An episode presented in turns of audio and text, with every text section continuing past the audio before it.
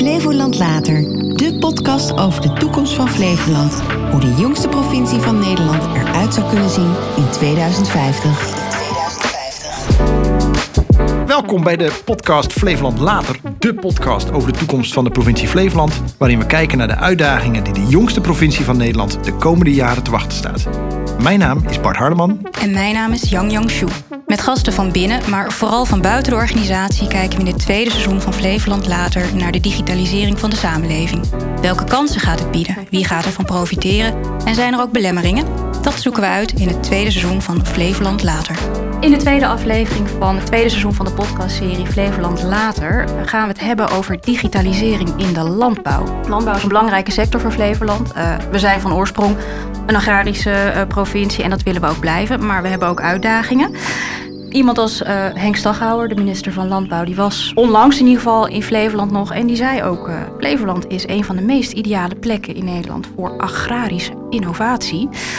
Heel veel stof om over door te praten met onze gasten Wim Stegeman en Pieter de Wolf. Maar voordat ik jullie verder ga introduceren, is het misschien goed om uh, alvast de vaste vraag die we elke gast voorleggen te stellen.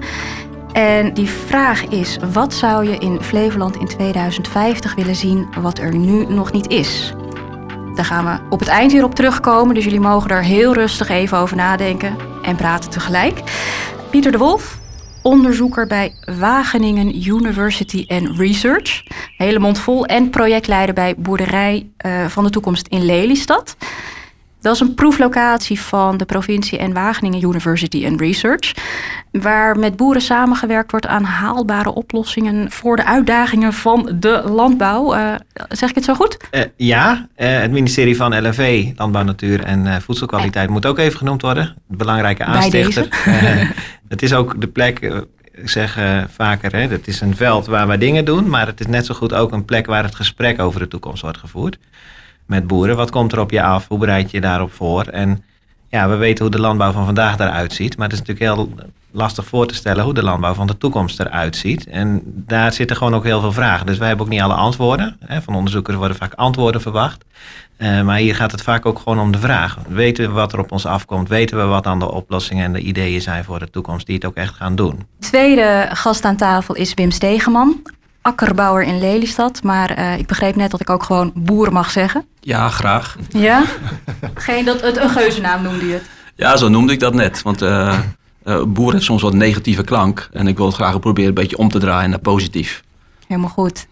Digitalisering in de landbouw. We hebben het eigenlijk over de toekomst. Maar voordat we daar naartoe gaan, is het misschien goed om eerst even een beeld te schetsen van hoe ja, gedigitaliseerd, hoe uh, geautomatiseerd de landbouw van vandaag is, de sector. Is dat een idee? Wie mag ik daarover het woord geven? Nou, ik denk Wim, want die uh, doet het natuurlijk dagelijks. Dus ik, zou, ik ben wel benieuwd van wat is er, wat is er dan nu in jouw dagelijks werk al? Je zegt, nou, dat hoef ik niet meer te doen. Dat moest mijn, misschien mijn vader of mijn opa vroeger nog gewoon met de hand doen. Maar dan kan ik nu gewoon met een druk op de knop uh, voor elkaar krijgen. Ja, dan gaat het vooral eigenlijk eerst om een mechanisatie. Hè? En als het gaat over digitalisering, is eigenlijk het wegnemen van handwerk.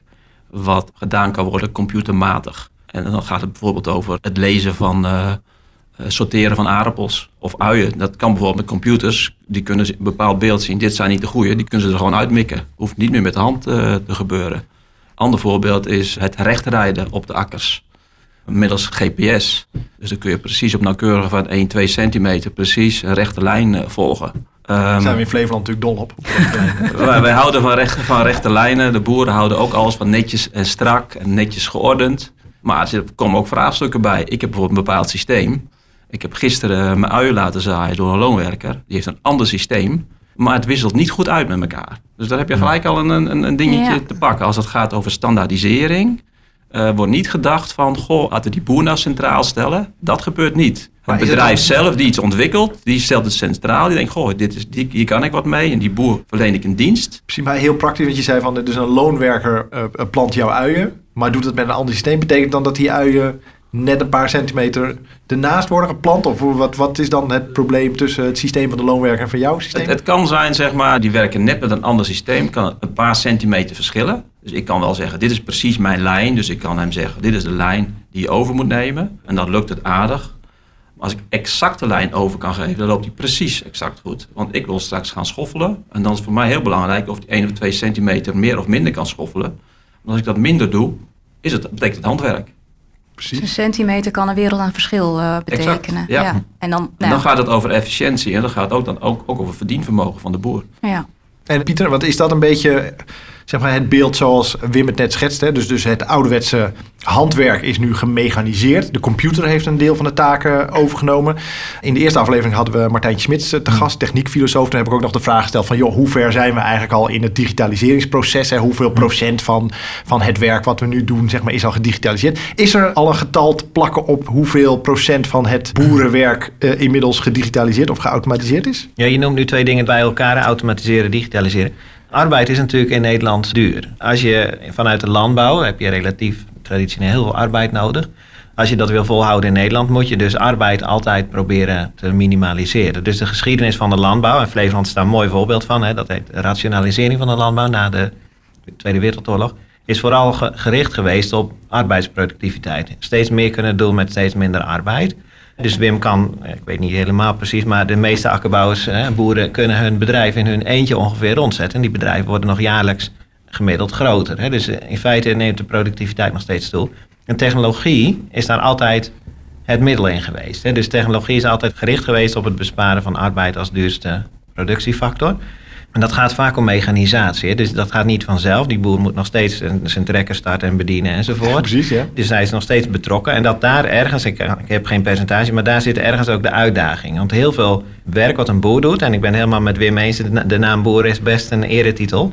Dat is een soort van duizendpoot. Als je in je eentje een bedrijf moet runnen, moet je alles goed kunnen. Mhm. En Nederlandse boeren zijn daar heel ver in gekomen. Maar het stukje vakwerk, zeg maar, wat erbij komt kijken, is heel lastig te automatiseren. In Flevoland wordt er heel veel pootgoed geteeld. Pootaardappelen, nou, er zijn, eh, Wim, 200 rassen op zijn minst, denk ik.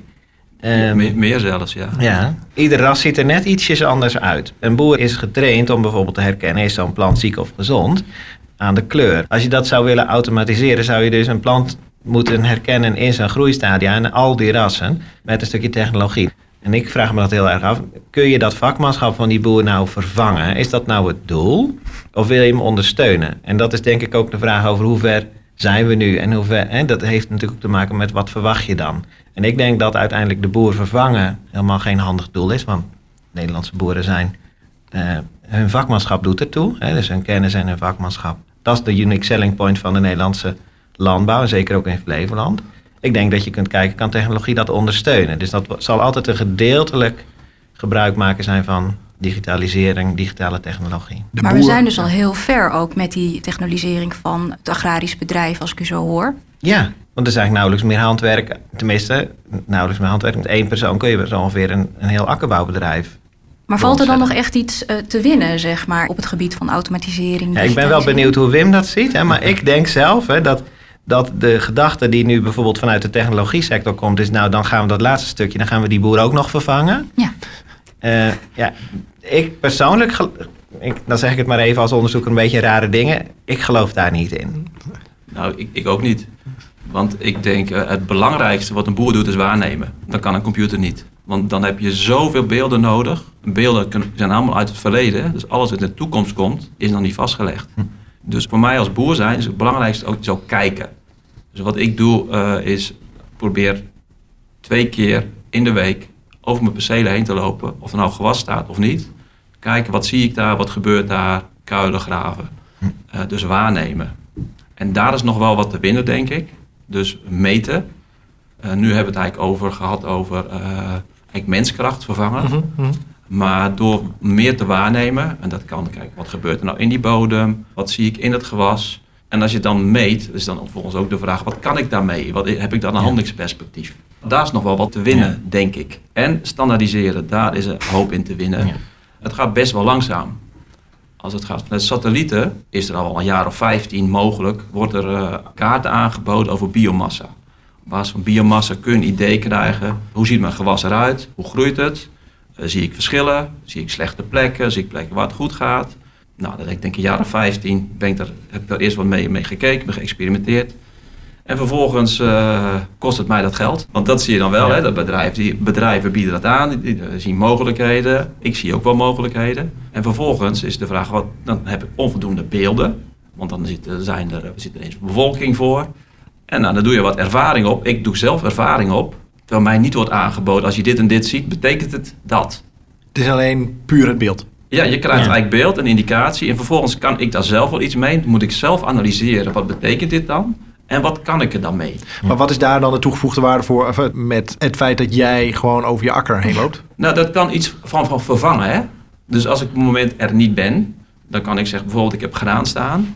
Uh, en, en ik zie vervolgens, uh, er is een blok van, van 10 hectare, ik noem maar wat. En ik zie gewoon de, de rechterkant uh, ziet er beter uit dan de linkerkant. Hoe kan dat? Soms kan je met het blote oog niet zien. Dan kan ik op die plek gaan kijken, ga ik een kuil graven. Op de goede plek en op de slechte plek. Zie ik daar wat? Wat is daar aan de hand? Kan ik mijn bodem verbeteren of kan ik bemesting wat aanpassen? Maar daar ben je dan op zoek. Dus simpelweg iets aanbieden van biomassa, dat is niet genoeg. Er zit zoveel meer achter, wat allemaal mensenwerk is. Nou, wat Wim eigenlijk zegt, nou, dat is precies het punt. Hè? Ik denk dat je dat camera's in principe meer kunnen dan het blote oog. Hè. De sensoren en camera's kunnen een veel groter lichtspectrum bijvoorbeeld zien. Uh, kunnen ook op andere momenten dat jij er niet bent waarnemen. Alleen de interpretatie van het beeld, wat zegt het nou, wat zie je dan? Ja, dat is wat Wim zijn vakmanschap is. Als Wim dat rondje over zijn perceel loopt, dan doet hij die twee dingen in één. Hij kijkt en hij interpreteert. En technologie is best in staat om beelden te maken. Te kijken. Te kijken maar niet om te interpreteren. Dat makkelijke stukje in de technologieontwikkeling zie je vaak, dat wordt eerst opgepakt. Maar de volgende stap is natuurlijk daar dan iets mee doen. Jij kan bedenken, als je de interpretatie hebt gedaan, hier is iets aan de hand, ga ik wat doen? Wat dan? En dat automatiseren, dat is nog veel lastiger. Hè? Dus dan kan de techniek dan ook die laatste cyclus rondmaken door in het veld bijvoorbeeld, als die een onkruidplant waarneemt, ga je dan iets doen. En dan kun jij met je schoffel er naartoe, je kunt met je spuit daar naartoe. Maar kun je hem dan ook zo aansturen dat hij precies die plant pakt, zonder dat jij daar nog over na hoeft te denken? Dat er een robotje heen rijdt die dan. De, ja, of dat je met je, met je trekker en uh, met een grote spuit, maar dat hij precies op dat ene plantje dan die druppel laat vallen. Want is dat iets, hè? Want, want we hebben het nu dus de hele tijd over van, we hebben de, de techniek aan de ene kant, we hebben het vakmanschap van de boer aan de andere kant. In de eerste aflevering met Martijntje Smits ging het er ook heel erg over, ja, automatisering of digitalisering is een proces waarin wij zelf dingen in een computer invoeren. En dan gaat die computer gaat dan doen wat wij hopen dat hij gaat doen. Kunnen wij, en dan kijk ik nu even, ik kijk, ik kijk even naar het hoofd van Wim. Mm. Want daar zit dus blijkbaar allerlei informatie in die uh, hè, door, door middel van zijn ogen en zijn oren en zijn handen bij hem binnenkomt. En dat hij dus kan interpreteren, hier is iets aan de hand. Daar moet ik iets mee we hebben al in ieder geval geconcludeerd hm. dat die ogen kunnen vervangen worden. En ik neem aan de oren en die vingers misschien ook wel. Maar de kunst zit hem, wat gebeurt er dan in dat hoofd van Wim? Kunnen we dan dat proces wat in het hoofd van Wim zit, zou je dat kunnen digitaliseren? Dat er uiteindelijk dat die, dat die interpretatie wel door een, een, een computer gedaan kan worden? Want die ontwikkelingen zijn natuurlijk gaan razendsnel. Ja, deels. Ik denk dat je dat deels kan, stukjes. Um, Kijk, de vraag is natuurlijk waarom je dat zou willen. En ik vind dat altijd de klassieke vraag bij deze uh, ontwikkeling. Waarom zijn, doen we dit nou? Hè? Wat, is dat omdat de techniek het kan? Hè? Dus ik zie ook best heel vaak bedrijven die hebben een, een basis of een concept. En die denken, ja, de logische volgende ontwikkelingsstap van mijn technologie is, nou, dat bedenken ze dan zelf. Dat komt uit de technolo technologieontwikkeling zelf voort.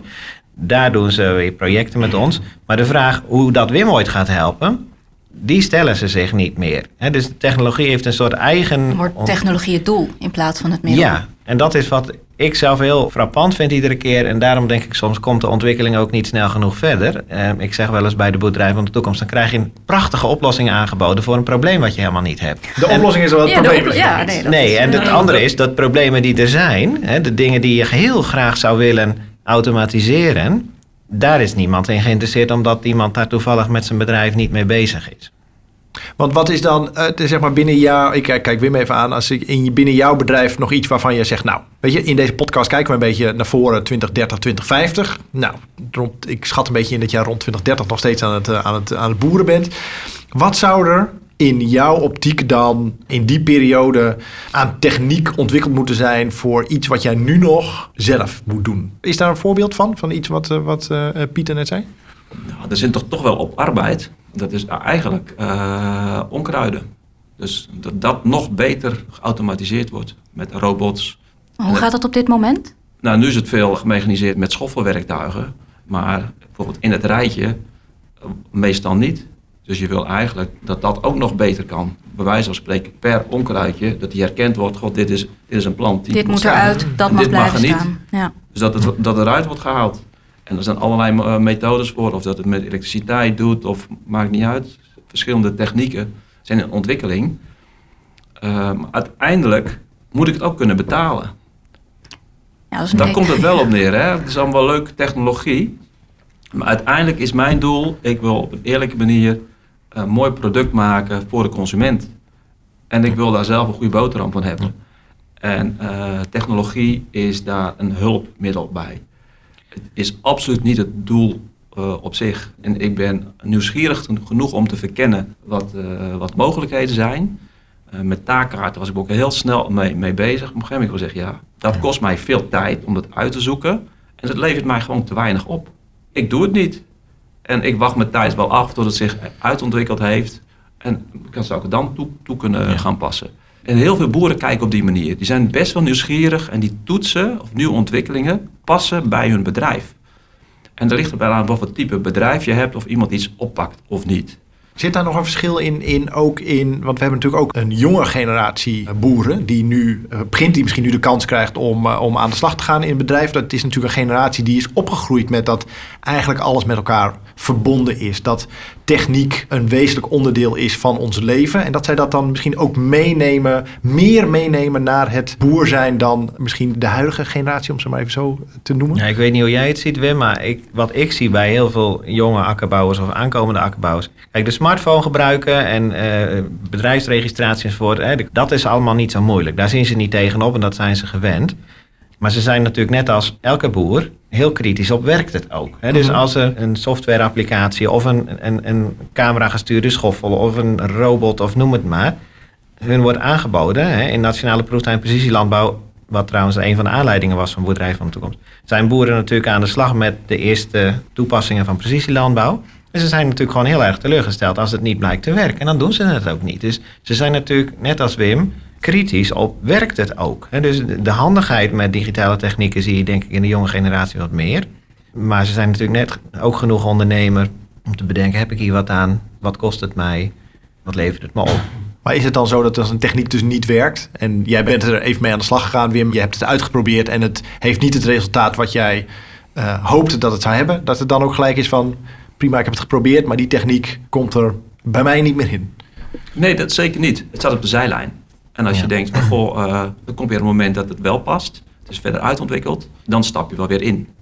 En ik, ik denk, de mensen die wat nieuwsgierig zijn en zeg, jonge mensen die zijn wel handiger met, met techniek, en, uh, maar die zijn niet per se nieuwsgieriger in de nieuwe technologieën. Ja. Dat geloof ik niet. Het, het, zijn meer boeren zeg maar, die het toekomstperspectief zoeken voor hun, hun bedrijf. Mhm. En wat is daarvoor nodig?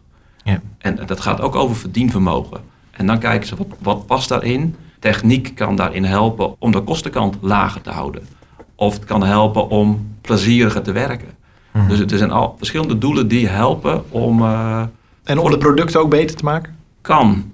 En dat, dat is dan het meest lastige, denk ik nog. Want dat is een complex van factoren wat daarin zit. Het is niet één deel, zeg maar, wat je moet automatiseren of digitaliseren. Het is een heel complex geheel. Er zit ook nog een heel groot deel onzekerheid in, zeg maar. Omdat er... Je hebt een enorme weercomponent die erin zit. Ja. En die kunnen we nou net niet automatiseren. Nee, ja, maar kijk, maar de, en daar, dat haakt ook aan bij het vakmanschap van de boer. want de boer heeft het overzicht over het geheel. Die is die duizendpoot, zoals Pieter zegt. Nou, afgelopen dagen is eigenlijk een mooi voorbeeld. Want uh, gisterochtend uh, zeiden ze nog, het blijft droog tot en met maandag. Een paar uur later komt morgen 17 mm eh, water aan. Ja. Je werkt met een levend systeem.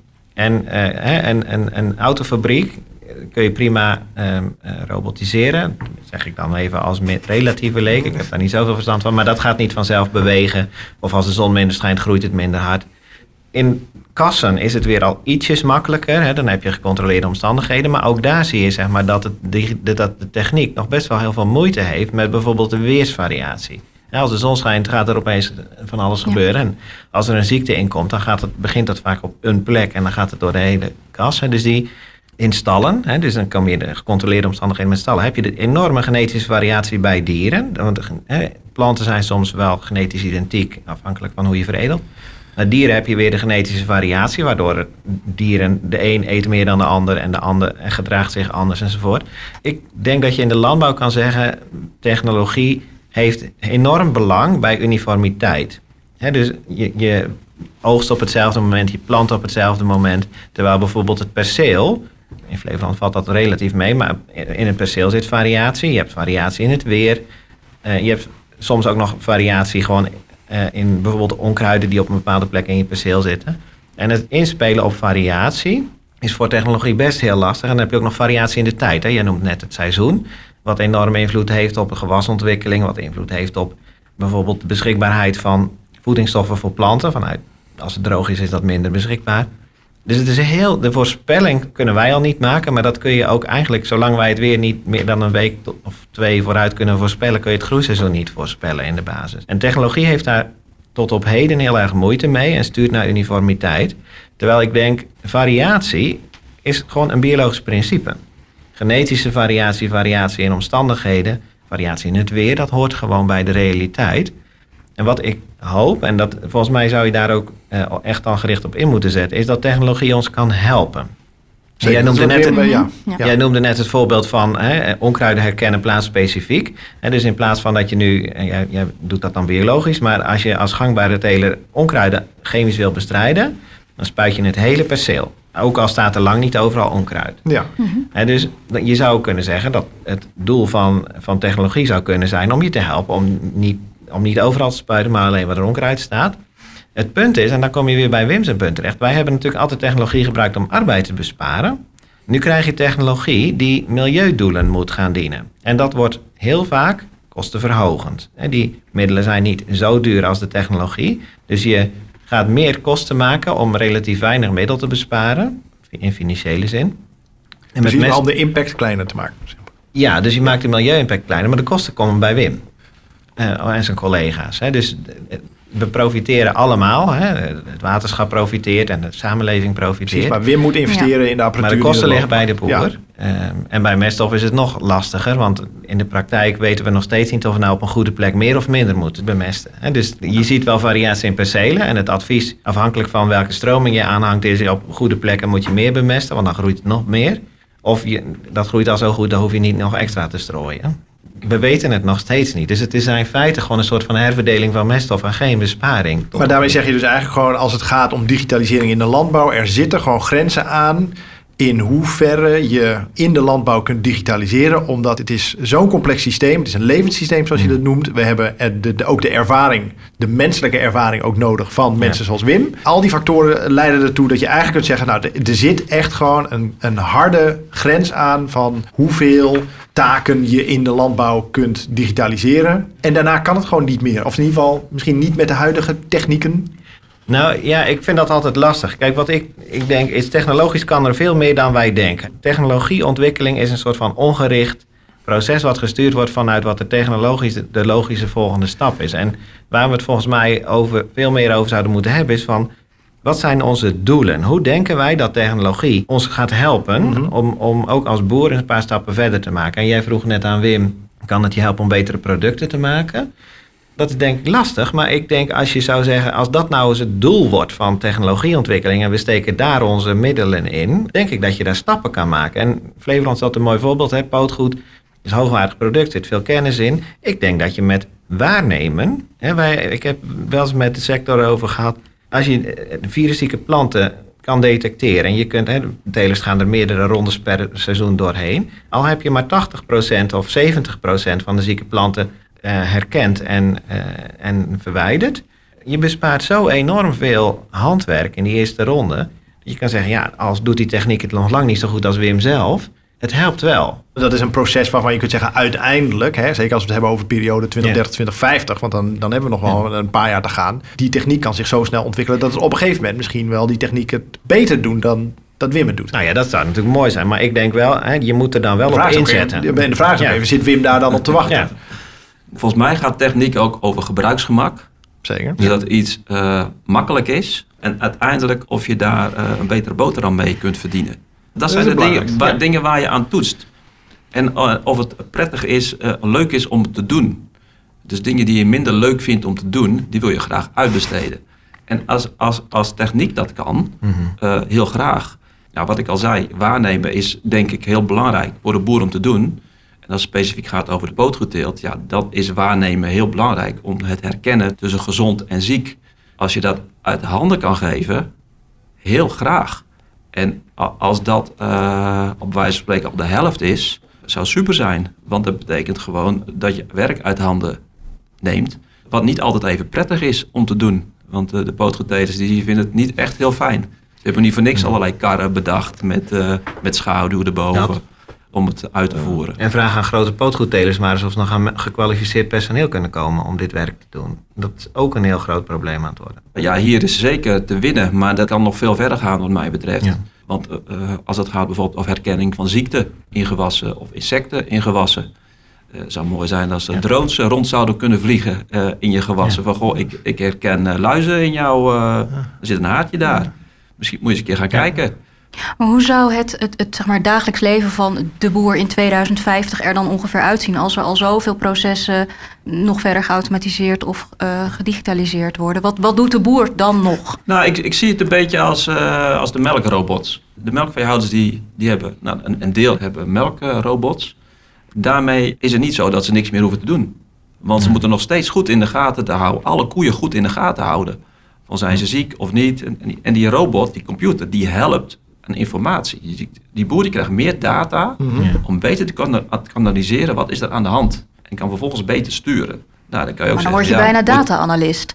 Nou, je wordt geen data-analyst, want je, je nog steeds uh, ben je de, de liefhebber voor het delen van planten of het hebben van, van dieren. Uh, dat koester je nog steeds. Maar het helpt jou om goed te doen uh, voor ja. je planten en voor je dieren. En maar je zou kijk, de, neg de negatievelingen kunnen zeggen van, goh, ja, dus die, die koe wordt nog, meer een melkfabriek. Ja. ja. Ja, dat is de andere kant zoals je er tegenaan kunt kijken. Maar dat is absoluut niet hoe een boer er tegenaan ja. kijkt. Want die, die houdt van zijn koeien.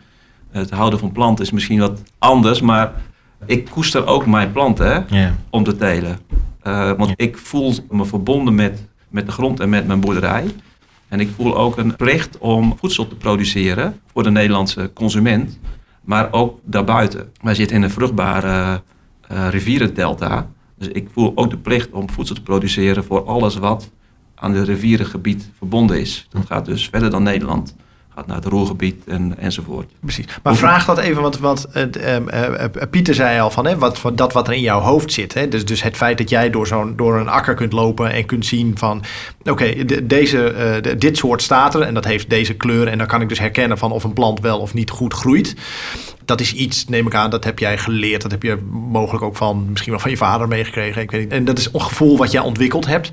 Tegelijkertijd had je, dat vertelde je net ook, van ja, op het moment dat wij Bijvoorbeeld met drones en sensoren allemaal data binnen kunnen halen. En dus misschien wel in een, in een eerder stadium kunnen ontdekken dat er iets gebeurt. Dat vraagt natuurlijk dan wel van, eigenlijk van de boer van de toekomst misschien wel andere kennisvaardigheden. Niet zo niet eens zozeer in het herkennen van de planten, maar juist in het interpreteren van oké, maar waar zit hem dan de afwijking in de data? Dus vraagt dat misschien dan ook wel dat de, de boer van de toekomst misschien op een andere manier moet worden opgeleid? Niet meer de kennis heeft die jij nu heeft, of misschien wel en-en? Ja, zeker. Maar dat is sowieso een, een, een dynamisch proces. Kijk, we gaan meer richting uh, landbouw en ecologie bijvoorbeeld. Mm -hmm. Dus je zult meer kennis moeten hebben van ecologie. Ja. Uh, dus dat moet in de opleiding. Maar ik zie algemeen dat het opleidingsniveau van, van de boeren wordt gewoon hoger. Ik ken diverse boeren die universitair opgeleid zijn.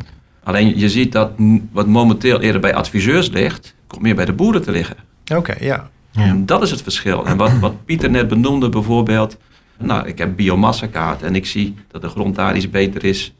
Dat het daar pro beter produceert op de ene plek dan op de andere. Wat moet ik nu doen? Moet ik dan op de slechte plek aandacht geven aan mijn bodem bijvoorbeeld. Mhm. Dat ik mijn bodem een boost ge- geef.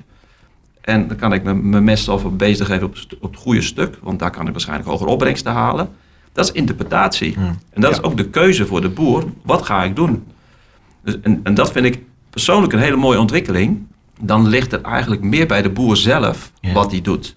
Dus ontwikkeling vind ik eigenlijk heel positief. Hoe meer data je hebt en je kunt zelf ernaar kijken, ben je meer eigenaar voor wat je doet. Het klinkt, Ja. bij- het klinkt bijna een beetje paradoxaal. Dat je dus eigenlijk zegt van juist door de komst van allerlei nieuwe technieken en de, en de, de inzichten in meer data, wat eigenlijk voelt als iets afstandelijks.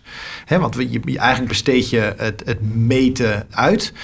Maar als ik jou zo hoor vertellen, zorgt het eigenlijk voor een betere verbinding met eigenlijk de poot in de klei, om het maar even zo te noemen. Mag ik het zo noemen? Ja, ja, maar daar ben ik persoonlijk juist Ja. naar op zoek.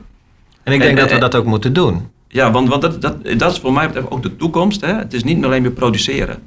Je moet ook laten zien dat je ook meet wat voor bodemkwaliteit heb je. Mhm. Ja. Wat doe je voor je omgeving als het gaat over waterkwaliteit. Belast je je omgeving.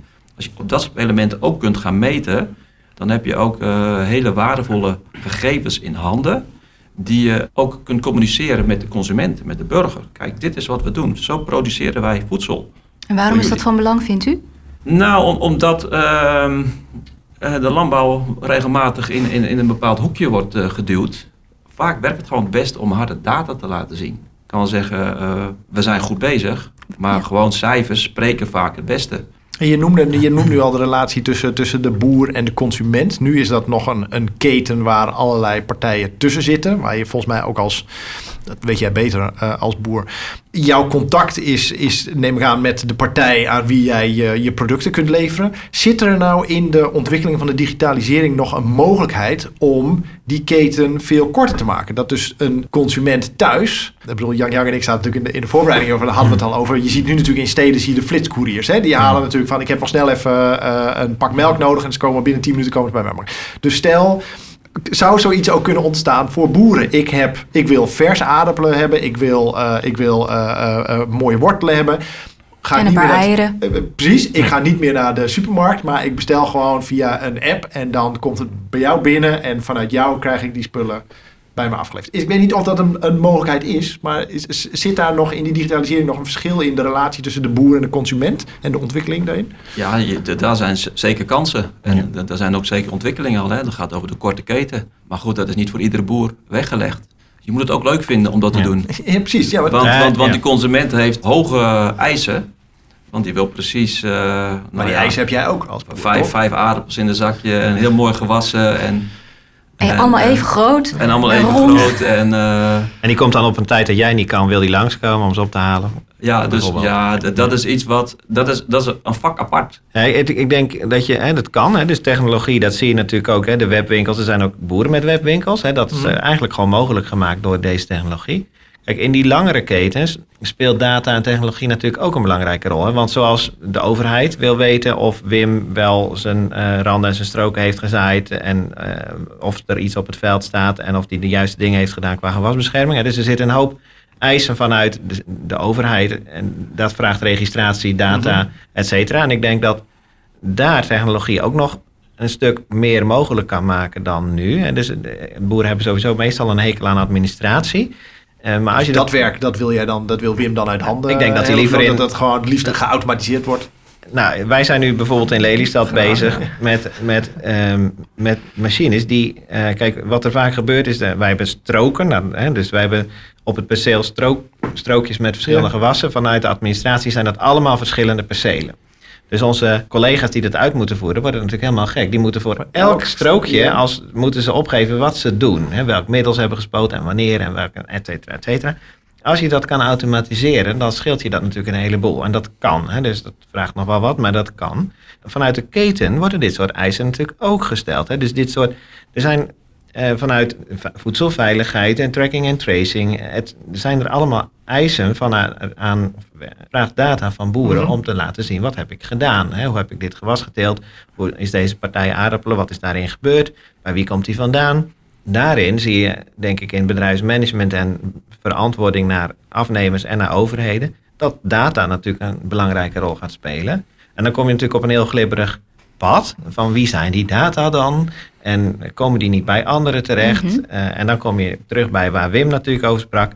En dat is misschien goed om even aan te brengen. Het internationale perspectief. Nederland is een heel raar landbouwland. Hè, wij denken natuurlijk heel vanuit onszelf en denken dat dit normaal is.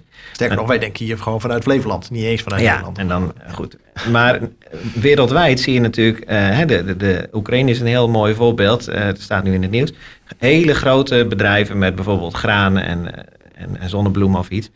En dan hebben ze één leverancier, die levert alles. Dus de grote trekkermerken, zeg maar, die zijn een soort totaalleverancier. Die leveren alle machines. Mhm. Die leveren het bedrijfsmanagementpakket. Die leveren de beslissingsondersteunende systemen die erbij horen. En dat is allemaal, dat is één leverancier. Dus dat werkt allemaal samen.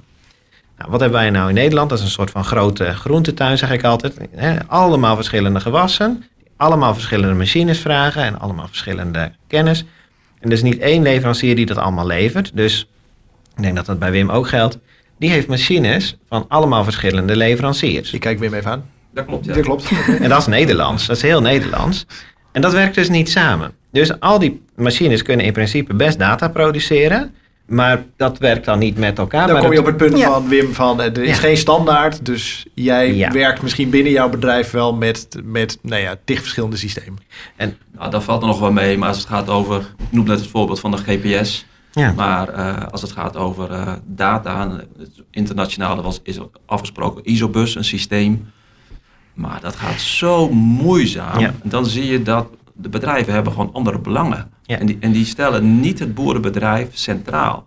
En dat is wat je graag eigenlijk zou willen, het boerenbedrijf centraal. Ja, en dan kom je weer op het punt wat Pieter helemaal in het begin eigenlijk maakte van technologie is een middel. En eigenlijk hebben we nog niet duidelijk vastgesteld wat is nu het doel wat we zouden willen bereiken. En Met dus dat bijvoorbeeld middel. van het beter maken van een product vraagt hele andere eh, technologieën Ja. dan gewasbescherming. Of, of eh, het, het feit dat, dat eh, Wim nou ja, zijn uien allemaal keurig binnen, Ja. binnen een, centimeter, centimeter van elkaar kan. Maar de vraag is denk ik die erbij hoort, is wie gaat hier nou eigenlijk? Wie stuurt er nou? En in buiten Nederland zijn dat de, de John Deere's en Nieuw-Hollands van de wereld. Hè, die, hebben dat, die leveren dat totaalpakket en die zorgen wel voor een systeem wat werkt. En als ze zelf dan, dan daar hun eigen standaard voor hebben, nou, dat maakt dan de, de klant niet uit, want die werkt gewoon met die standaard. Die heeft daar En verder die- geen last van. Nee. Als, nee. Alleen in Nederland hebben we die, geen sturing.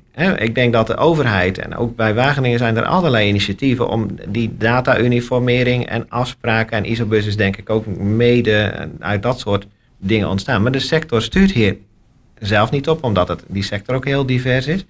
En ik ben heel benieuwd of hoe dat nou ooit opgelost gaat worden. Want er zijn er weer mensen van ja, maar die willen die data niet aan al die leveranciers geven, want die is van onszelf. Men houdt elkaar ook al 15 jaar gevangen in deze, deze vraagstelling, voor zover ik weet. Ik zie ook geen oplossing. Nee. Ik denk dat eh, de, de grootste eh, uiteindelijk het gaat bepalen. Nou ja, maar zou jij willen dat de data die jij maakt, dat die van jou is? Wij hebben het daar met Martijntje over Ja. gehad. Die noemde een voorbeeld van, van hè, dat, dat, dat ging heel erg vanuit, vanuit nou ja, zeg maar ons als gewoon internetgebruiker. Alle data die daarop staat, die nu in handen is van de grote vijf, die we eigenlijk gewoon gratis weggeven.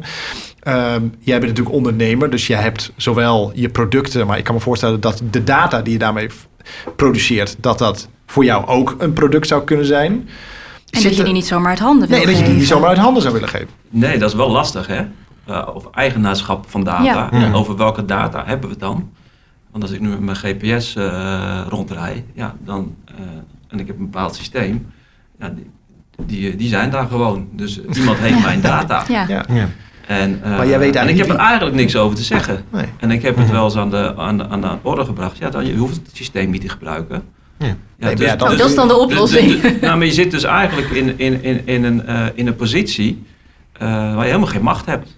Dus een, in een ouderwets systeem gewoon maar zelf maar sturen, ja, dat is ook niet aan de orde. Nee, en inmiddels heb je trackers, eh, daar kun je wel zelf sturen, maar die hebben, registreren ook en de fabrikant weet precies wat jij doet met die tracker op dat moment. Exact, ja. Dus, maar goed, misschien moet je dan ook je, nou ja, choose your battles. Ja. Welke, waar wil je dan wel eigenaar van zijn? Mhm. En als het gaat over eh, meten van eh, bodemgegevens, meten van eh, potentiële gewasopbrengsten op mijn kavel, daar zou ik heel graag gewoon eigenaar van zijn. En hoe ik dat moet organiseren, dat vind ik uitermate lastig. Ik weet dat eh, de brandsorganisatie Akkerbouw is, is daar wel mee bezig. Mhm, Met het idee van een soort van boerenkluizen. Dat die data hebben. Ja. Dat je daar je data in kan stoppen. En dat de boer de eigenaar is. En die kan zeggen, nou ja, jij hebt toegang tot de kluis. Jij kan die data eruit halen. Want dat is wel de richting waar we... Maar je mag alleen even kijken. Je mag alleen even kijken en dan heb je het gezien en dan gaat het weer terug. nou ja, maar dat, dat, je- dat, dat helder is wie eigenaar is. Ja. Ja, en het principe is inderdaad dat de boer dan de anderen machtigt. Of als hij zegt, nou nu niet meer, dan wordt die machtiging weer ingetrokken.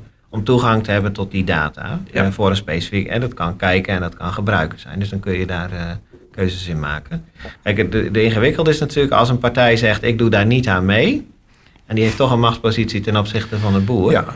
Dus er zijn dit soort, dit is ook geen nieuw initiatief. Hè. Dit is natuurlijk al vaker geprobeerd. En ik ben ook inderdaad heel benieuwd. En, en eigenlijk zei, zei Wim het al met Choose Your Battles. Uiteindelijk is het natuurlijk gewoon een keus. Ja, als je zegt, ik wil het werkend krijgen. Ik heb belang bij de toepassing. Ja, dan moet je misschien op een gegeven moment de keus maken. En zeggen, nou dan ga ik met de leverancier in zee die mijn data helaas wel nodig heeft. En daar, ik weet niet precies wat hij daarmee doet. Maar dan krijg ik het wel voor elkaar op mijn bedrijf om die toepassing te laten werken. En nu zitten we in een soort van spagaat van we willen niet dat die data overal gebruikt wordt. En we willen met al die fabrikanten uniforme afspraken maken. Waardoor vervolgens die ontwikkeling heel langzaam gaat. Maar ik kan me ook voorstellen dat dit niet een strijd is die je als individuele boer aangaat. Ja. Dus Ook. Het voelt ook machteloos. ja, Nou, dat maakt het ook lastig, hè? want Ja. dan moet je er dus, dus tijd in gaan steken. Dat je, dat je helemaal niet wil. je niet, ja. Nee. Precies. Dat- dat- Dat kost ook weer tijd. Ja, dat Ja. kost En de uitkomst en- is maar zeer ongewis natuurlijk. Ja. Ja. ja. Mag ik voordat wij zo meteen eh, weer even terugkomen op de vraag die we jullie in het begin gesteld Ja. hebben, nog e- eigenlijk één, eh, of zou ik voor jullie één kort antwoord willen hebben op. Komt er een moment waarop de boer eigenlijk al het werk kan doen achter een bureau met allemaal beeldschermen eromheen? En dan eigenlijk gewoon is het antwoord ja of nee. Ja, nee. Wim zegt nee. Nee. Nee. Dus uiteindelijk, we zullen, Wim en de zijnen zeg maar altijd nog gewoon met de laarzen aan door de klei zien lopen, op de trekker zitten en, En kijken. kijken. En kijken. Op de trekken weet ik niet, maar de andere wel. Ja. ja, hij blijft wel plantenteler. Ja. Ja. Ja. En feeling houden met Of de bodem. Vee houden. Ja, of vee houden. Ja. heel goed. Nou, dan zijn we denk ik op het punt gekomen om weer even terug te grijpen naar de vraag die helemaal aan het begin gesteld eh, was. Wat zouden jullie in Flevoland graag willen zien in 2050 wat er nu nog niet is? Pieter, wat is jouw antwoord? Ik zou zeggen, wat ik hoop in Flevoland in 2050 is dat we een gezond zelfbewustzijn hebben. Dus dat we onszelf niet steeds meten met een ander, maar dat we gewoon de dingen doen waar we goed in zijn. En het tweede, ik vind dat we dus vaak heel provinciaal denken. En iedere provincie probeert met uh, precisielandbouw de beste te zijn en het centrum voor de weer, van de wereld te worden. Ik zou zeggen, laat Flevoland, en dat doen we best wel, daar heb ik wel een goede indruk van, over onze eigen schaduw heen stappen en zeggen, wij nemen de lead, maar we delen wel. Hè? We doen dat samen. We gaan niet alles voor onszelf houden en alle bedrijven naar Flevoland halen. Wij werken samen. We zijn de beste, maar jullie mogen van ons leren. Daar komt het We doen het samen. Ja. Mooi antwoord. Wim? Ja, ik, ik, heb, ik uh, zit er een beetje hetzelfde in. In de zin van uh, wat er niet is. Ja, waarom is het dan nog niet? Uh, anders was het er geweest. Want Flevolanders zijn pioniers. En dus wij lopen voorop in nieuwe dingen doen. Kijk maar naar biologische landbouw. Hoe, groot areaal dat hier is. En hoe hoe dat ook doorgroeit. Hoe die boeren ook doorgroeien. Dus ik zie, ik zie vooral op dat terrein, ga dat vooral niet verliezen. Geef de boeren ruimte om dingen te doen die ze graag willen doen. Behoud dat. Dus in 2050 nog steeds pionier. Ja. Er is nu nog wel eens een beetje een discussie van... zijn we niet in Flevoland een beetje uitgepioneerd? Maar Nee, volgens jou is het nee, nee. blijven pionieren. Blijven pionieren. Nee, ik, ik, dat, dat vind ik eigenlijk het belangrijkste. Houd dat, zoals Flevoland gestart, houd dat vast. Zorg dat dat niet weggaat. En uh, ook in beleid, zorg dat, Ja. dat je daar ruimte voor geeft in, uh, in pionieren. Mooi. Mooie hartekreet. Nou, dan was het dan het einde van het gesprek. Dankjewel Wim Stegeman, Pieter de Wolf. Dankjewel Bart. Dankjewel Jan Jan. Ja, graag gedaan. Graag gedaan. Flevoland Later.